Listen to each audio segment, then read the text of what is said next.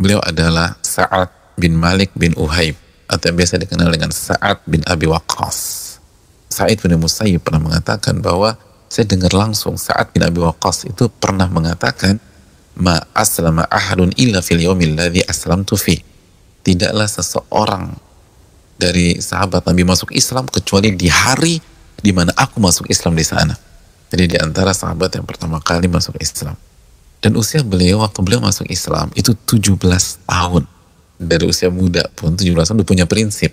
Udah pola pikirnya mencari kebenaran, bukan mencari kesenangan. Hari ini banyak orang usia belasan tahun SMA, udah deh jangan bicara agama, kita ini seneng-seneng dulu gitu loh. Sayang, kapan lagi? Ini masa-masa paling indah.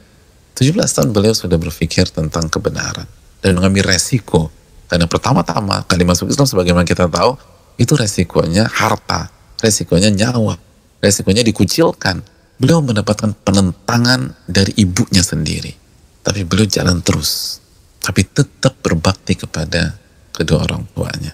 Dan sekilas info beliau orang kaya. Tapi menariknya, walaupun sosok ini kaya, kata beliau, inilah awalul Arab Roma bisahmin fisabilillah. Aku ini orang Arab pertama yang melepaskan anak panahnya di jalan Allah Subhanahu wa taala. Orang kaya.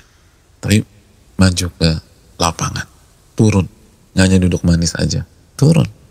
Jadi para sahabat itu, saat pindah wakas, itu berjuang dengan harta dan dengan tenaga, dengan fisik, bukan uh, anak uang aja ya antum yang maju-maju.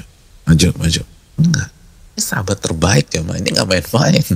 Sepuluh sahabat yang dijamin masuk surga dalam sekali penyebutan oleh Nabi SAW salah satunya beliau saat bin Abi Waqqas